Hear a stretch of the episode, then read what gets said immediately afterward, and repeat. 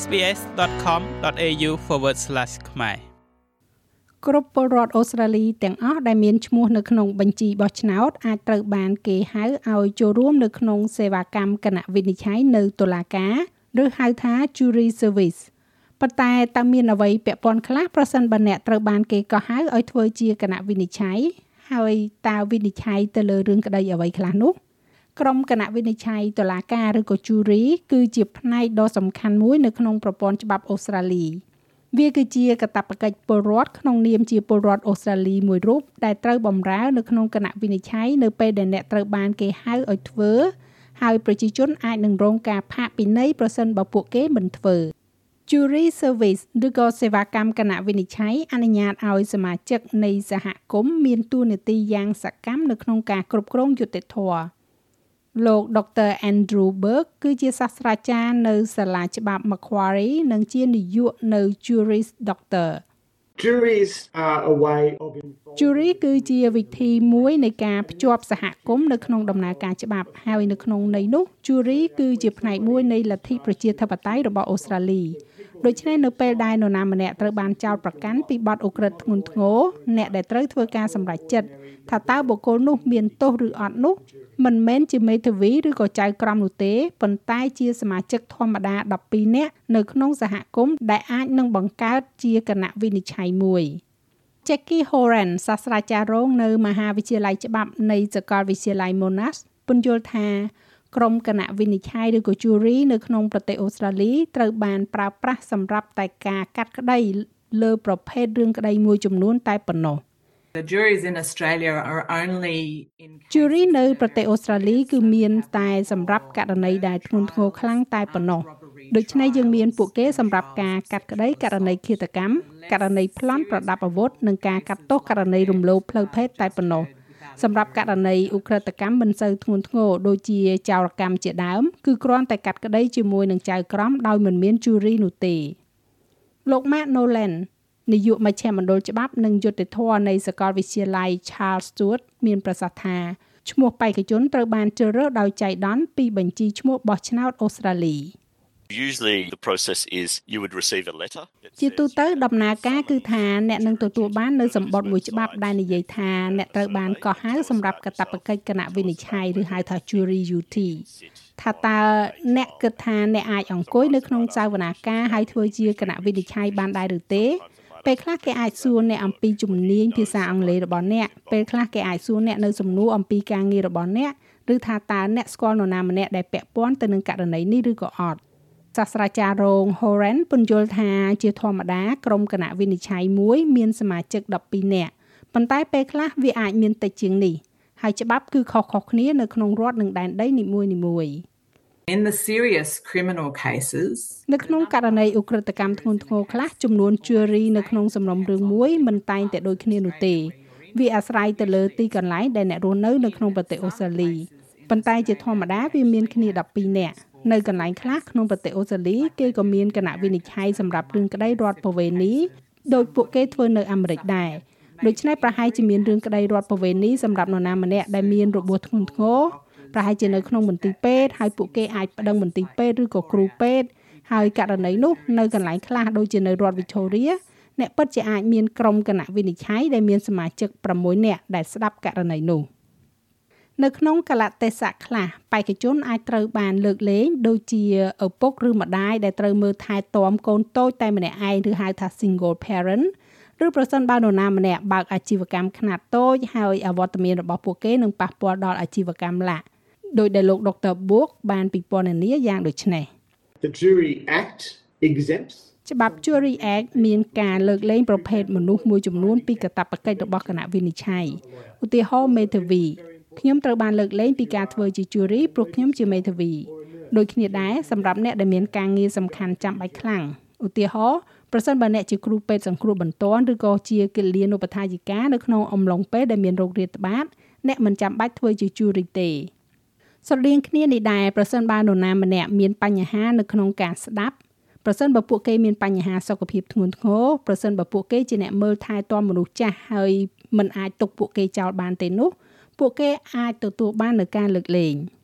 ដុកទ័រ Berg និយាយទៀតថាប្រសិនបើគណៈវិនិច្ឆ័យមានអារម្មណ៍ថាពួកគេនឹងមិនអាចនៅស្ដាប់ការកាត់ក្តីបានតាំងពីដើមរហូតដល់ចប់បានទេនោះ ពួកគេគួរតែនិយាយប្រាប់មុនពេលដំណើរការចាប់ផ្ដើម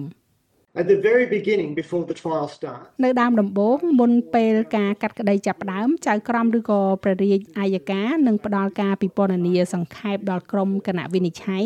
ដោយនិយាយថានេះគឺជាបទចោទប្រកាន់អ្វីហើយនេះគឺជាប្រភេទនៃផុសតាងដែលអ្នកនឹងស្ដាប់ដូច្នេះប៉ុណ្ណាការកាត់ក្តីជាច្រើនអាចពាក់ព័ន្ធទៅនឹងផុសតាងនិងរូបថតដែលគួរឲ្យសោកសង្រេងឡាក់ដូច្នេះហើយពួកគេពណ៌នាអំពីរឿងនោះហើយពួកគេនឹងនិយាយថា ប្រសិនបើអ្នកណាម្នាក់គិតថាมันអាចធ្វើរឿងនេះបាននិងมันអាចថាមិនលំអៀងអំពីផុសតាងនេះបានទេនោះសូមនិយាយចេញមកនៅពេលនេះហើយអ្នកអាចមានលេសមិនចូលរួមបានប៉ុន្តែនៅពេលដែលការកាត់ក្តីចាប់ផ្ដើមហើយគណៈវិនិច្ឆ័យត្រូវតែស្ដាប់នៅរាល់ផុសតាងទាំងអស់ដុកទ័រ Berg ពន្យល់ so the jury must be there for all the evidence. ដូច្នេះគណៈវិនិច្ឆ័យត្រូវតែនៅទីនោះសម្រាប់រាល់ផុសតាងទាំងអស់ដូច្នេះសាកសីទាំងអស់ដែលផ្ដល់ផុសតាង ពួកគេឃើញរូបថតនិងវីដេអូឬក៏ DNA ទាំងអស់នៃផុសតាំងប្រភេទនោះប៉ុន្តែពួកគេចេញពីបន្ទប់សវនាការនៅពេលដែលមានការប្រកែកគ្នាអំពីអ្វីជាច្បាប់ហើយបន្ទាប់មកនៅពេលដែលតលហីកទាំងនោះត្រូវបានដោះស្រាយរួចហើយពួកគេក៏ត្រឡប់មកវិញហើយចៅក្រមនឹងពន្យល់ដល់គណៈវិនិច្ឆ័យថាតើច្បាប់អ្វីដែលពួកគេត្រូវអនុវត្តដើម្បីសម្រេចថាមានទោសឬក៏មិនមានទោសនោះ លោក Horan មានប្រសាសន៍ទៀតថានៅពេលដែលក្រុមគណៈវិនិច្ឆ័យត្រូវបានតែងតាំងជាធម្មតាពួកគេទទួលបាននៅការណែនាំមិនឲ្យនិយាយជាមួយនឹងនរណាម្នាក់អំពីករណីនេះឬក៏រកមើលព័ត៌មានតាមអ៊ីនធឺណិតនោះទេក្រុមគណៈវិនិច្ឆ័យត្រូវជាធម្មតាបំរើលើការកាត់ក្តីដែលចំណាយពេលចន្លោះពី7ថ្ងៃទៅ12ថ្ងៃតែទោះជាយ៉ាងណាបញ្ហាដែលមានការពាក់ព័ន្ធច្រើនជាងនេះដូចជាករណីចោតប្រកាន់ភេរវករ អាចចំណាយពេលរាប់ខែឬក៏សូម្បីតែជាង1ឆ្នាំក៏មានក្រុមគណៈវិនិច្ឆ័យត្រូវបានសួរជាញឹកញាប់អំពីលទ្ធភាពរបស់ពួកគេជាមុនសិនប្រសិនបើពួកគេត្រូវបានជ្រើសរើសសម្រាប់ការកាត់ក្តីដ៏យូរជាពិសេសមួយ And once all the witnesses have been heard and all the evidence ហើយនៅពេលដែលសាកសីទាំងអស់ត្រូវបានស្ដាប់ហើយផុសតាងទាំងអស់ត្រូវបានផ្ដល់ទៅឲ្យតុលាការហើយប្រសិនបើមានឯកសារនោះគណៈវិនិច្ឆ័យត្រូវបានផ្ដល់ឲ្យនៅឯកសារទាំងនោះហើយពួកគេក៏ត្រូវបានផ្ដល់ឲ្យនៅកំណត់ត្រាជាលាយលក្ខណ៍អក្សរនៃសំណុំរឿងរបស់តុលាការពួកគេត្រូវបានដាក់ចូលទៅក្នុងបន្ទប់ពិភាក្សាសម្រាប់គណៈវិនិច្ឆ័យហើយពួកគេត្រូវបានស្នើសុំឲ្យធ្វើវាឡើងដោយប្រុងប្រយ័ត្ន វាអាចចំណាយពេលខ្លះជាច្រើនម៉ោងសម្រាប់មនុស្សទាំង12នាក់ដើម្បីពិភាក្សាអំពីបញ្ហាទាំងអស់ដើម្បីធ្វើឲ្យប្រកាសថាពួកគេពេញចិត្តដែលចុងចោតមានកំហុសលើសពីការសង្ស័យសមហេតុផល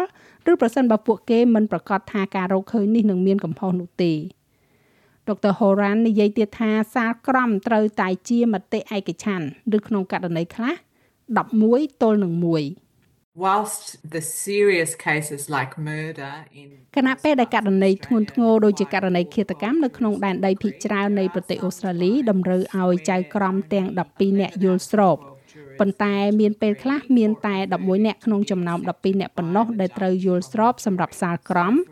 ដើម្បីទទួលយកដោយចៅក្រមពីគណៈវិនិច្ឆ័យដូច្នេះឧទាហរណ៍ ករណីរំលោភបំពានផ្លូវភេទហើយគណៈវិនិច្ឆ័យ11នាក់ប្រហែលជាយល់ស្របថាចុងចោតមានកំហុសហើយម្នាក់មិនយល់ស្របនោះវានឹងគ្រប់គ្រាន់សម្រាប់ឲ្យតុលាការក្នុងការទទួលយកសារក្រមរបស់គណៈវិនិច្ឆ័យដើម្បីរកឃើញកំហុសនៃបទល្មើសដែលត្រូវបានចោទប្រកាន់លើសពីការសង្ស័យសមហេតុផលហើយចុះប្រសិនបើជូរីមិនអាចសម្រេចស្របគ្នាបានទេនោះដុកទ័របូកពន្យល់បន្ថែម If the jury cannot agree, ប្រសិនបើគណៈវិនិច្ឆ័យមិនអាចយល់ស្រប12ទល់នឹង0ឬក៏11ទល់នឹង1ទេនោះវាជាអ្វីដែលគេហៅថាជាការព្យួរគណៈវិនិច្ឆ័យនោះមានន័យថាត្រូវតែមានការកាត់ក្តីថ្មីចាប់ផ្ដើមឡើងម្ដងទៀតជាមួយនឹងការកាត់ក្តីថ្មីនឹងក្រុមគណៈវិនិច្ឆ័យផ្សេងត្រង់ចំណុចនោះព្រះរាជអាជ្ញាអាចនិយាយថាល្អយើងបោះបង់ចោលហើយយើងនឹងមិនឈ្នះក្តីនេះទេដូច្នេះយើងបោះបង់វាចោលហើយព្រះរាជអាជ្ញាធម្មតានឹងបោះបង់វាចោលបន្ទាប់ពីការកាត់ក្តីប្រហែលជា 2ឬក៏3ដងគណៈវិនិច្ឆ័យឬក៏ជូរីទទួលបានកម្រៃជារៀងរាល់ថ្ងៃពីការបំពេញកាតព្វកិច្ចគណៈវិនិច្ឆ័យនេះ it is a requirement of everybody វាជាលក្ខខណ្ឌតម្រូវរបស់ចៅហ្វាយនាយគ្រប់គ្នា ដែលពួកគេត្រូវបានប្រាក់ឈ្នួលស្មើនឹងអ្វីដែលពួកគេជាធម្មតាទទួលបានប្រសិនបើពួកគេទៅធ្វើការ ប៉ុន្តែការពិតពួកគេចូលបម្រើការងារនៅក្នុងគណៈវិនិច្ឆ័យដូច្នេះរដ្ឋនិងដែនដីនីមួយៗផ្ដល់ឲ្យនៅប្រាក់មួយចំនួនជារៀងរាល់ថ្ងៃដែលអ្នកចូលរួមនៅក្នុងសេវាកម្មគណៈវិនិច្ឆ័យ